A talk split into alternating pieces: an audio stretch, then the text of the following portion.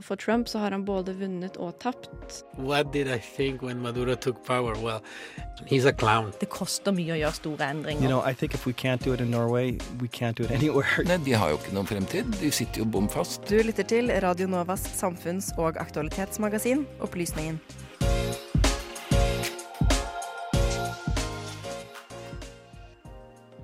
Brexit-forhandlingene har igjen stagnert. Kan Storbritannia unngå en røff utvei av unionen? Aleksej Navalny har våknet fra koma. Hvordan påvirker dette Europa-Russland-dynamikken? Protestene fortsetter i Hviterussland. Er dette slutten på Lukasjenko? Disney Pluss har lansert i Norge, men ikke uten kontroverser. Vi tar en titt på Disneys vanskeligere sider. Og du skal få fem saker på fem minutter.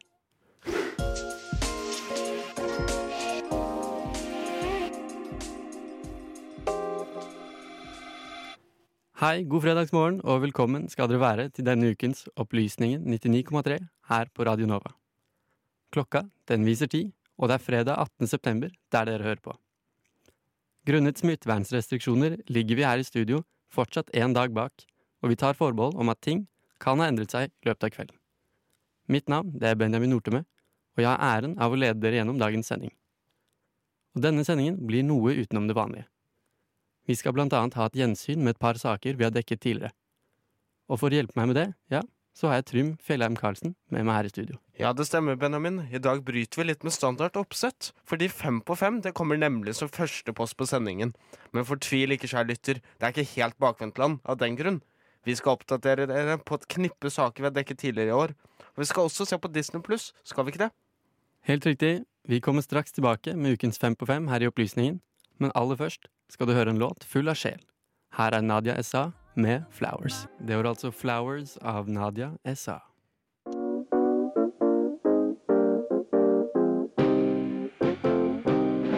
Du hører på Radio Novas samfunns- og aktualitetsmagasin Opplysningen. Hver fredag fra klokken 10 til 11 på Radio Nova. Opplysningen på Radio Nova.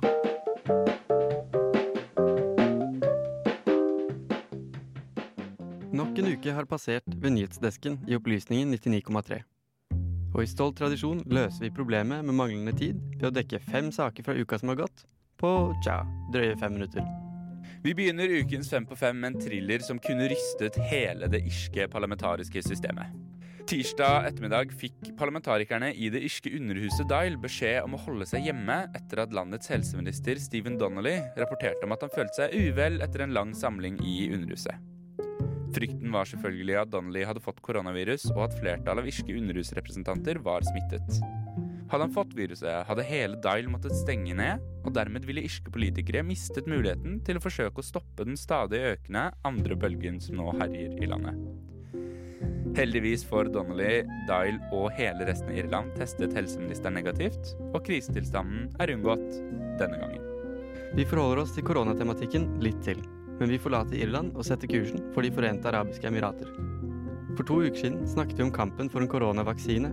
Der var det tre vaksiner som var godkjent for delvis bruk. Men nå har to til entret rekkene. Emiratene har nå godkjent to kinesiske vaksiner for bruk på helsepersonell. Den ene av de to er utviklet av Wuhan Institute of Biological Products, sammen med det statlige legemiddelverket Sinopharm, og begynte i juni en tredjefase testperiode i Emiratene. Den andre er også utviklet av Sinopharm, men denne gangen sammen med Beijing Institute of Global Products. Da tredjefasetestene begynte i Emiratene, fikk 5000 Beijing-vaksinen, mens 5000 fikk Wuhan-vaksinen. Grunnen til at vaksinene ble godkjent for bruk, er at landet nå lider under de største smitteøkningene siden pandemiens start, og på søndag alene ble det påvist over 1000 tilfeller. Dette betyr altså at det er fem vaksiner som er godkjent for begrenset bruk. Fire av de fem er utviklet av Kina, som nå ligger an til en ledelse i utviklingen av en vaksine. Fra koronavaksiner til kamp mot historien, vi skal til Spania. Landet har på mange sett erklært krig mot den tidligere fascistiske diktatoren Franco, eller kanskje heller minne om ham, ettersom mannen har vært død i 35 år. Franco ble i fjor flyttet til en anonym gravplass fra hans opprinnelige gravsted i mausoleet Valle de los Caidos, De falnes dal. Det er dette stedet som nå skal fjerne sine siste spor til den tidligere generalissimoen. I motsetning til andre tidligere fascistiske stater i Europa, slik som Tyskland og Italia, var spanjolenes overgang fra diktatur til demokrati mer gradvis. Og derfor er det fortsatt en del rester igjen fra det tidligere spanske regimet. Vei de los Caidos ble opprinnelig bygget som et minnested for de falne under den spanske borgerkrigen, men ble etter Francos død hans hvilested og et monument til den tidligere diktatoren. Den spanske regjeringen har nå foreslått et lovutkast som bl.a. atter vil gjøre De falnes dal om til et minnested for de 30 000 som døde på begge sider under den spanske borgerkrigen. I tillegg til dette vil lovforslaget forby statsstøttede organisasjoner å glorifisere Franco. Kampen mot fortiden er godt i gang. Det er ikke bare i Spania forbud er i vinden. Fra det øyeblikket Donald Trump entret Det hvite hus, har han kjempet en kamp mot kineserne på ulike arenaer. Både gjennom utvisning av kinesiske diplomater, men også gjennom den langvarige handelskrigen mellom landene. Nå er en ny slagmark tatt i bruk, nemlig sosiale medier.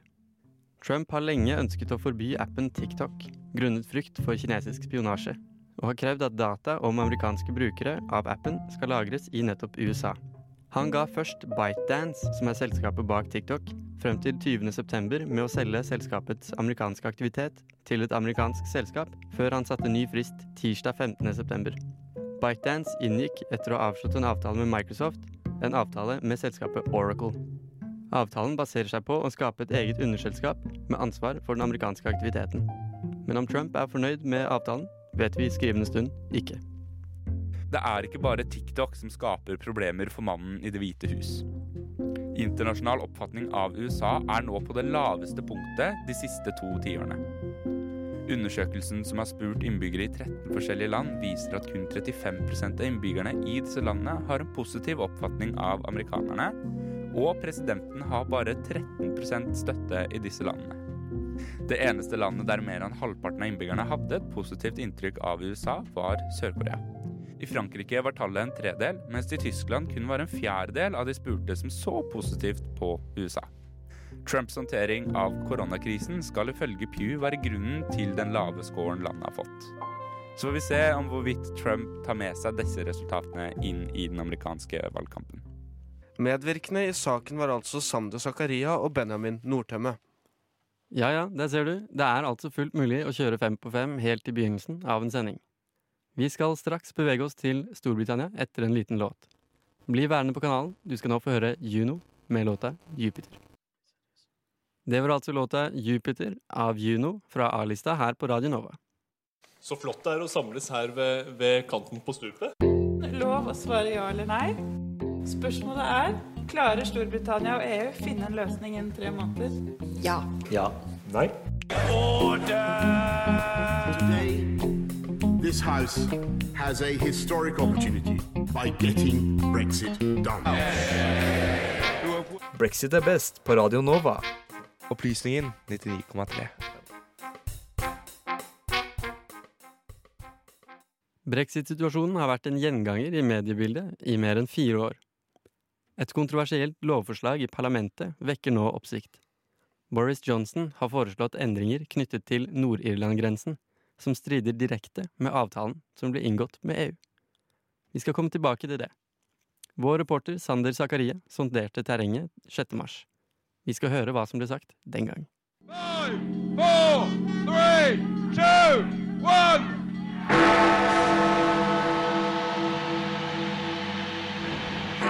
Idet januar ble februar 2020 forlot Storbritannia EU, nesten fire år etter folkeavstemningen. Puber, offentlige møtepunkter og hjem var fulle av folk, allsang og storslått feiring. Britiske flagg, engelske flagg og God Save the Queen preget Parliament Square i landets hovedstad, samtidig som EU-flagg ble brent. På den andre siden av den engelske kanal i Strasbourg i Frankrike ble det britiske flagget firt ned foran Europaparlamentet. Folk samlet seg rundt flaggstanga, tente lys, gråt og sang Old Lang Syne, som på sett og vis har blitt Remain-bevegelsens brexit-theme. Men betyr denne storslåtte feiringen at britene er ute av unionen nå? Både ja og nei? Jeg skal prøve å forklare det litt nærmere. Som nevnt så trådte britene 31.1 offisielt ut av Den europeiske unionen. Dette betyr ikke at britene er ute helt enda. Britene er fortsatt en del av det indre markedet, en økonomisk frihandelssone som tillater fri flyt av mennesker, varer, tjenester og kapital. Samtidig er britene også en del av tollunionen, som i praksis vil si at de som eksporterer varer til Storbritannia, fortsatt betaler toll til EU.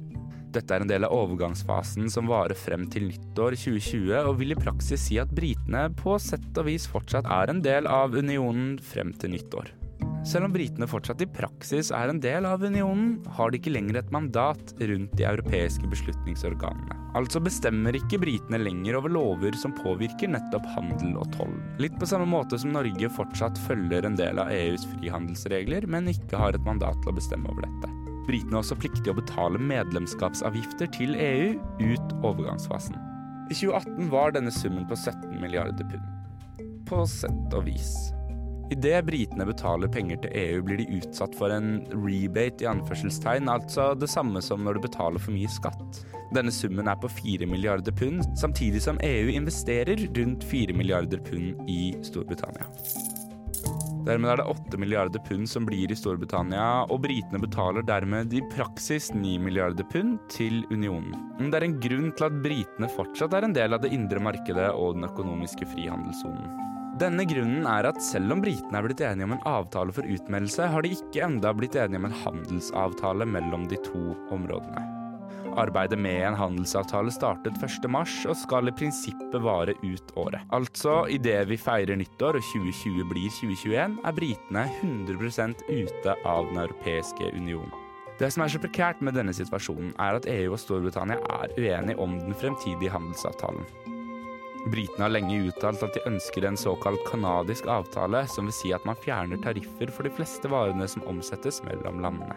Dette vil i det britiske eksempelet si at varer og produkter som går fra Storbritannia, må opprettholde EU-standarder og vice versa.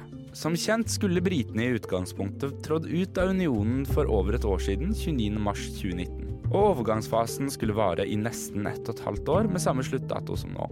Men da Boris Johnson fikk vedtatt en utmeldelse av EU, valgte det britiske parlamentet å ikke utvide denne overgangstiden noe videre. Altså ble en overgangsfase på nesten ett år og ni måneder om til en overgangsfase på elleve måneder. Skulle britene ombestemme seg og allikevel ønske lengre tid til å forhandle en avtale, er fristen for å gjøre dette juni 2020. Det britiske sjefsforhandleren David Frost har truet med at britene vil forlate forhandlingsrommet dersom de ikke ser en utvikling i forhandlingene innen juni. Dersom vi skulle komme til 31.12. uten en avtale mellom EU og Storbritannia, frykter mange et kaldt forhold mellom de to enhetene i fremtiden. Et kaldt forhold er det også blitt mellom skottene og britene. Skottene har lenge varslet misnøye med hvordan prosessen har utviklet seg fram til nå. Det skotske parlamentet mener at de nå har blitt trukket ut av EU mot sin egen vilje, siden flertallet av skottene stemte for å bli i unionen. Da EU-parlamentet vedtok at britene skulle få forlate unionen i januar, ga skottene klar beskjed om at EU ikke skulle glemme skottene, noe som videreformidles gjennom det kjente uttrykket 'Leave a light on for Scotland'. For Scotland EU, I hope this Parliament will welcome us in that same spirit of European solidarity. And in the meantime, I hope very much Dette kan tyde på at skottene i fremtiden vil forlate Storbritannia og entre EU på egne premisser. Brexit er ikke bare en av de viktigste politiske prosessene vi ser i Europa nå, men også blitt et hodebry for flere mennesker. Brexit-fatigue har utviklet seg til å bli et stort problem, og prosessen virker komplisert på overflaten. Men for å kort forklare situasjonen har britene forlatt EU. De er fortsatt forpliktet til EUs handelsregler og går en ukjent fremtid i møte med et både mulig kaldt forhold til EU og et kaldt forhold til Skottland. Fremtiden til denne prosessen ligger i hendene på Boris Johnson, David Frost og resten av det konservative partiet. Og hvordan situasjonen ser ut om et år, det er det ingen som vet. Sander Zakaria der altså, med en hendig gjennomgang av brexit-situasjonen. Men hva er nytt siden sist, Trym? Jo, han godeste Boris Johnson la fram en ny lov for parlamentet som strider med avtalen som er inngått med EU. Denne loven som fikk grønt lys i London mandag kveld, tar konkret tak i den irske grenser og overstyrer vedtaket i den europeisk-britiske avtalen om utmelding for å verne om britisk suverenitet i Nord-Irland. EU mener nå at dette er et brudd på avtalen, og dermed et brudd på folkeretten, og varsler om at dette vil annullere avtalen dem imellom. Johnson sa mandag i parlamentet at de ikke akter å handle på dette lovforslaget, skulle de komme til en enighet med det han omtaler som deres europeiske venner. Klokken tikker altså ned til enden av året. Det gjenstår å se hva som skjer mellom de to unionene, men noe vi vet vil skje, er at vi snart skal snakke om Disney pluss. Men før den tid, en av våre favorittlåter her i redaksjonen.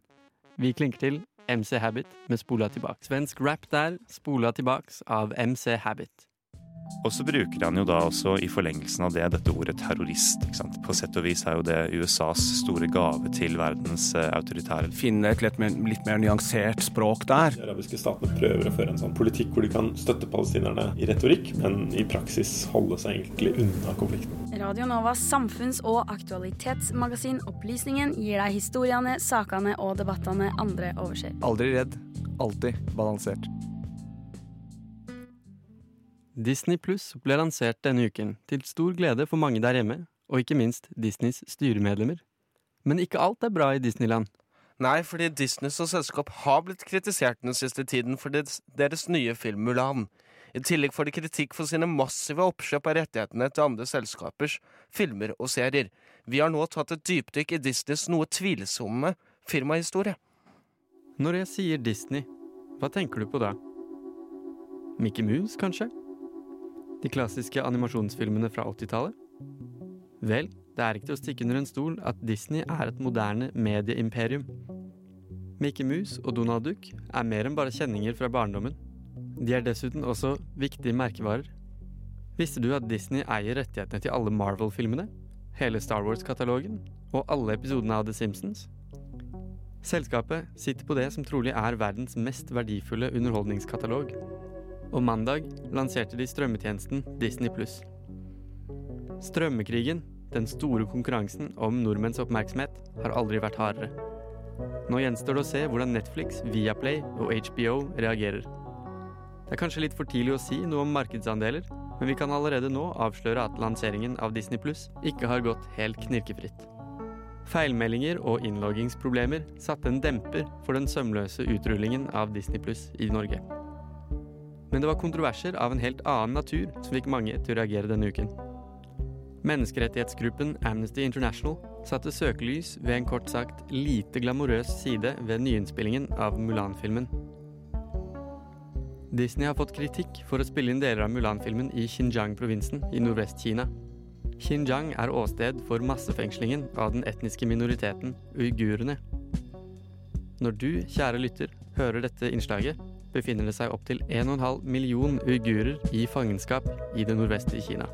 Stengt og skjermet fra omverdenen blir uigurer holdt i gigantiske interneringsleirer mot sin vilje, og tvinges til å assimileres inn i mainstream kinesisk kultur. Så, i rulleteksten i Mulan-filmen, takker Disney det lokale kommunistpartiet i Xinjiang, og ikke mindre enn åtte forskjellige deler av de lokale myndighetene i provinsen. Det er derfor ikke helt unaturlig at hashtaggen 'boikott Mulan' har inntatt sosiale medier den siste uken. Den nye Mulan-filmen lå an til å være en god idé på papiret. Kinesiske myndigheter tillater bare 34 utenlandske filmer i året. Inngangen i det kinesiske filmmarkedet er derfor svært vanskelig. Men potensialet for å tjene penger er enormt. For å kapitalisere på dette markedet lagde Disney derfor en film der handlingen er satt i Kina. Og rettighetene, ja, de hadde Disney fra før av. Men Disneys enorme rettighetskatalog oppsto ikke bare over natten. Walt Disney Company ble grunnlagt i 1923 og er dermed nesten 100 år gammelt. Og nettopp Disney er i en slags særstilling når det kommer til det vi kaller immaterielle rettigheter, eller intellectual property. Copyright er et annet fint ord. Når du skaper noe, si at du lager en tegneseriefigur. Du gir figuren et navn, og begynner å tjene penger på animerte kortfilmer med figuren din i. Vet du hvor lenge du eier rettighetene til dette åndsverket? Vel, i de fleste vestlige land er copyrighten vernet hele 70 år etter din levetid. Dette gjelder også i Norge. Det er jo litt merkelig, sant? Og for å forstå hvorfor det er slik, blir vi nødt til å se tilbake på nettopp Disneys litt suspekte firmahistorie. Disney har lang fartstid med lobbyisme.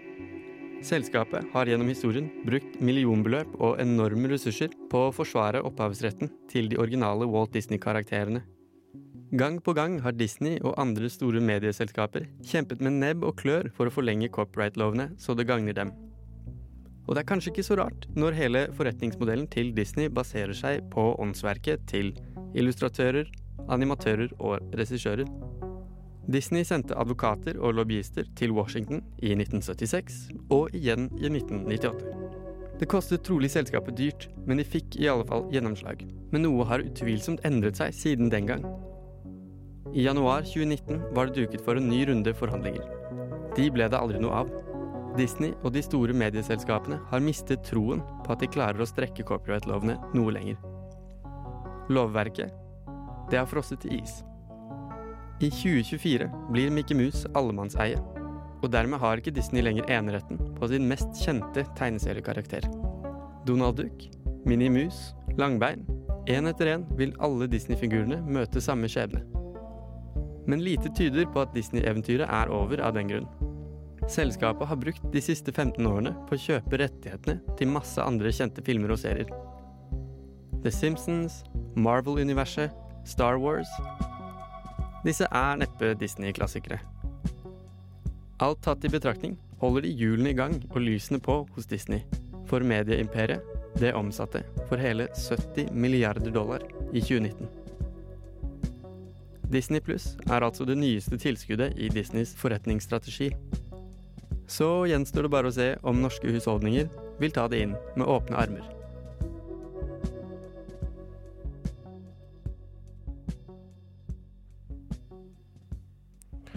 Saken var laget av deg, Benjamin Nordtømme. Og vi skal snart videre til Hviterussland, men før det skal du få litt musikk. Her kommer Mallgirl med Love Me. Radio Nova er best. Alle andre er tapere. Radio Nova. Der fikk du Extra Careful av Bambi L og Drama B. Før det hørte du Mallgirl med låta Love Me. Du hører på Opplysningen Opplysningen. Opplysningen. Opplysningen. Opplysningen. Opplysningen. hver fredag mellom klokken 10 og 11 På Radio Nova.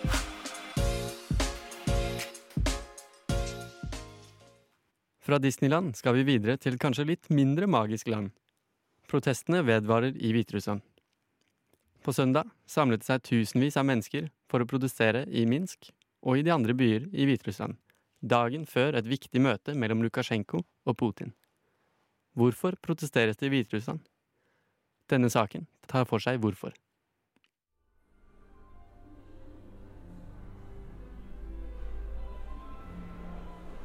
I 2005 kalte president George Bush Hviterussland for Europas siste diktatur. Det var da, som nå, Aleksandr Lukasjenko som satt bak roret i Minsk, hovedstaden i landet som på sett og vis aldri ga helt slipp på Sovjetunionen. Nå er vi i 2020, og det er ikke urimelig å si at antallet diktatorer på kontinentet vårt beklageligvis har økt de siste 15 årene. Men hvorvidt Hviterussland skal fortsette å være et av disse, er det nå kamp om.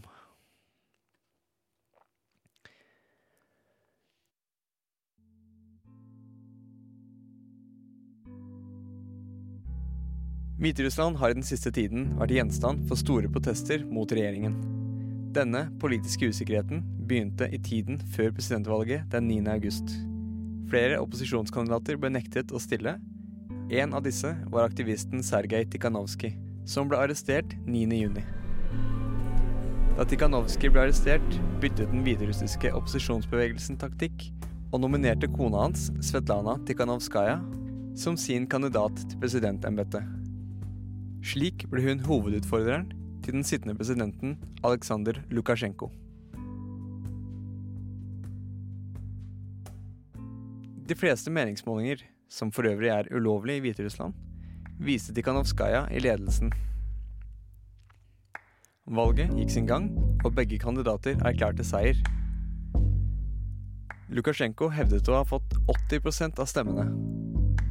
Neste dag ble to videoer publisert der Tikhanovskaja beklager for seg og sier hun aksepterer nederlaget. Opposisjonsbevegelsen mener hun ble presset av Lukasjenko-regimet, og hun har siden reist ut av landet, til Litauen, der resten av familien hennes hadde flyktet. 23. august stilte hun til et intervju med BBC, hvor hun forklarer at hun ikke vil ses på som den legitime presidenten, da vi ikke kjenner de ekte stemmetallene, og heller ser på seg selv som et symbol på endringen i Hviterussland. Siden starten av august har Minsk vært åsted for fredelige og ikke så fredelige demonstrasjoner mot Lukasjenko-regimet. Verdenssamfunnet og demonstrantene reagerer på militærpolitiets brutale behandling av demonstranter. Siden protestene begynte, har minst 7000 mennesker blitt varetektsfengslet. Menneskerettighetsorganisasjoner som Amnesty International sier det har vært utstrakt bruk av tortur i varetekt. Minst tre personer har dødd etter å ha blitt arrestert av militærpolitiet.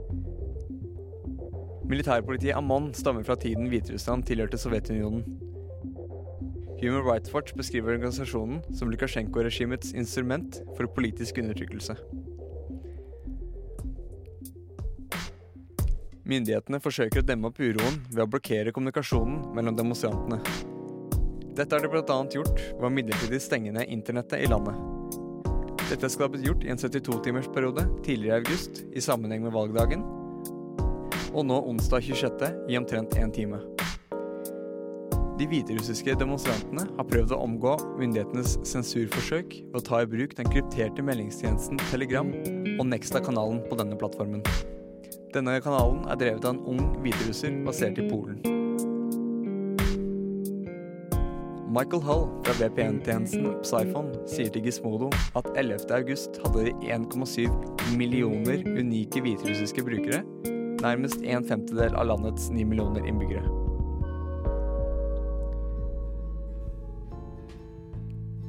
Da det ble mulig for de som hadde sittet i varetekt å begynne å fortelle sine historier, gikk tusenvis av arbeidere ved statseide fabrikker ut i streik. Koordinert av opposisjonen, som sier i en uttalelse vi fortsetter å kreve Lukasjenkos oppsigelse. Hvert minutt han fremdeles er ved makten, ser vi store økonomiske tap.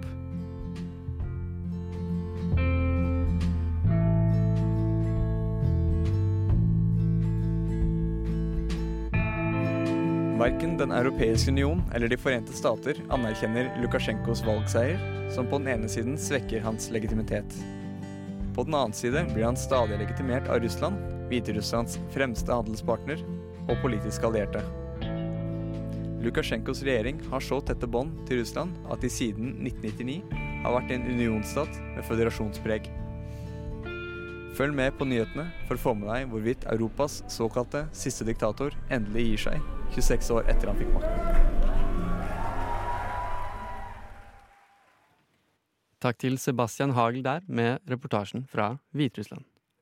Fra og med onsdag har det nå blitt forbudt med opposisjonens flagg i landet.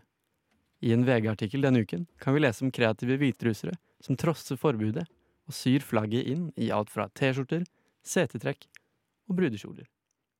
Situasjonen i landet er fortsatt spent, og Reuters melder at russiske militære enheter har avholdt øvelser i Hviterussland denne uken. Heldigvis er situasjonen noe roligere her i studio. Her på kanalen serverer vi nå en belgisk låt fra A-lista. Her er Abraham Blue med Disse lydbølgene du nettopp hørte, kom fra belgiske Abraham Blue, og låten var Can't Keep Up.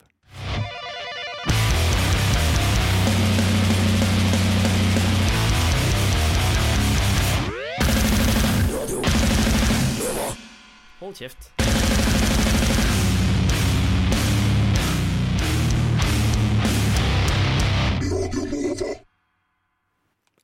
Vi beveger oss videre fra Russland til nabolandet Hviterussland, og til en sak fra samme uke som forrige sak. Ja, vi skal ta et gjenhår, gjen, gjenhør med den giftige historien omkring Aleksej Navalnyjs fall inn i koma. Spørsmålet hvem som står bak, hvem som tjener på at Navalnyj er ute av spill, og mer er fremdeles relevante. I Norge er det nok mange som tar for gitt at demokratiet slipper til stemmer fra ulike hold. I vårt naboland Russland, derimot, er livet som opposisjonspolitiker ganske annerledes. Torsdag forrige uke ble den prominente Putin-kritikeren Aleksej Navalnyj antatt forgiftet.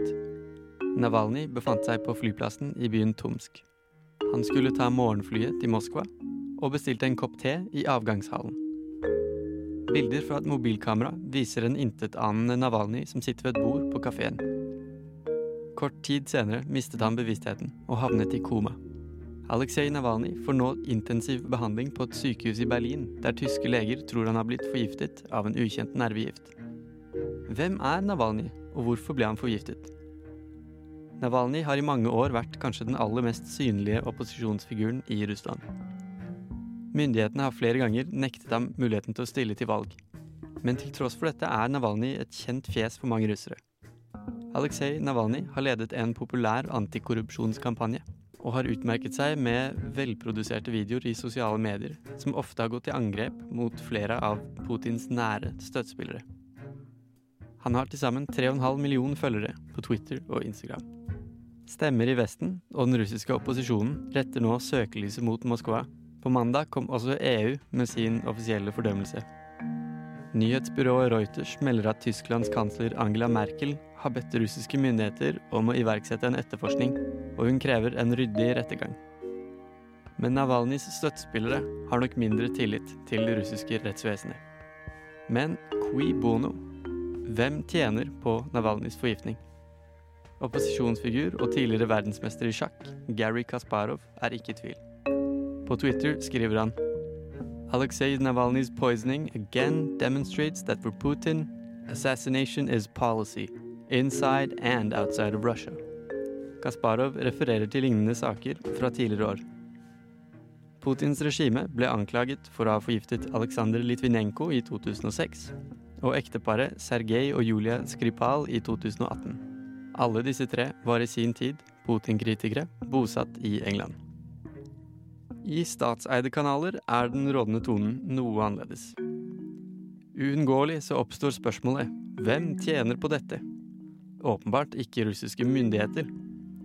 Dette var ordene til utenriksminister Sergej Lavrov da han leverte sin uttalelse på mandag.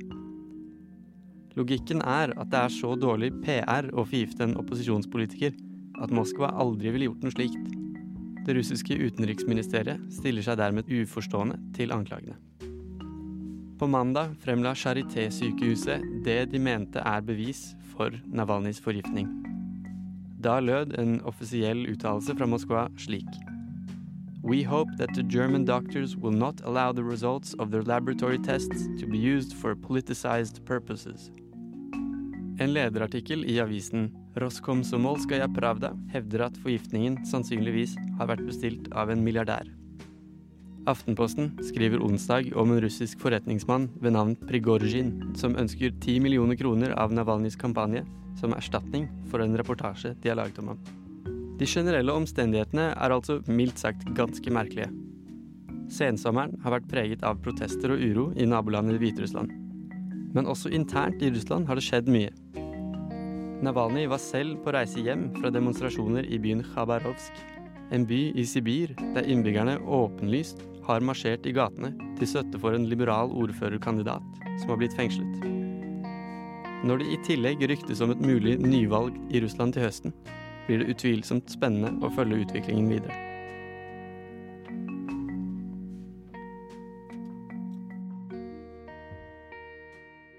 Navalny har siden sakens opprinnelige publikasjon våknet fra koma, og tidligere denne uka publiserte han en melding til sine følgere på Instagram, der han opplyste om at han nå kan puste helt uten hjelp.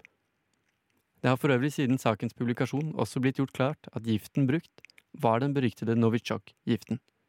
Navalnyjs talsperson har varslet at han ønsker å returnere til Russland, og at han vil fortsette sin kamp. Vi er tilbake etter den låten, fra svenska Kill Døden. Her kommer Sprida kjærleik. Fint budskap der, det var svenske Kill Døden med Sprida kjærleik.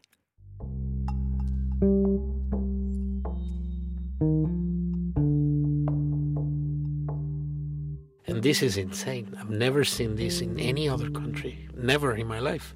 People eating from the trash, fighting about it. Eh, Når så mange er ensomme, så ligger jo på en måte ikke dette på, på individet lenger. Det ligger på systemet. Vi er i ferd med å ødelegge evnen vår eh, permanent kognitivt i hjernen til å konsentrere oss over lengre tid. Radio Novas samfunns- og aktualitetsmagasin gir deg historiene, sakene og debattene andre overser. Aldri redd, alltid balansert. Opplysningen 99,3. Mange, mange takk for at du hørte på Opplysningen 99,3. Du finner oss på Facebook, Instagram og Twitter. Last ned podkasten der du finner podkaster. Vi minner om at søknadsfristen til Radio Nova er nå på søndag, så søk i vei. Vi minner også om at denne sendingen er tatt opp på torsdag kveld, så vi tar forbehold om at enkelte ting kan ha endret seg. Bli på kanalen litt til, du får Studentnyhetene.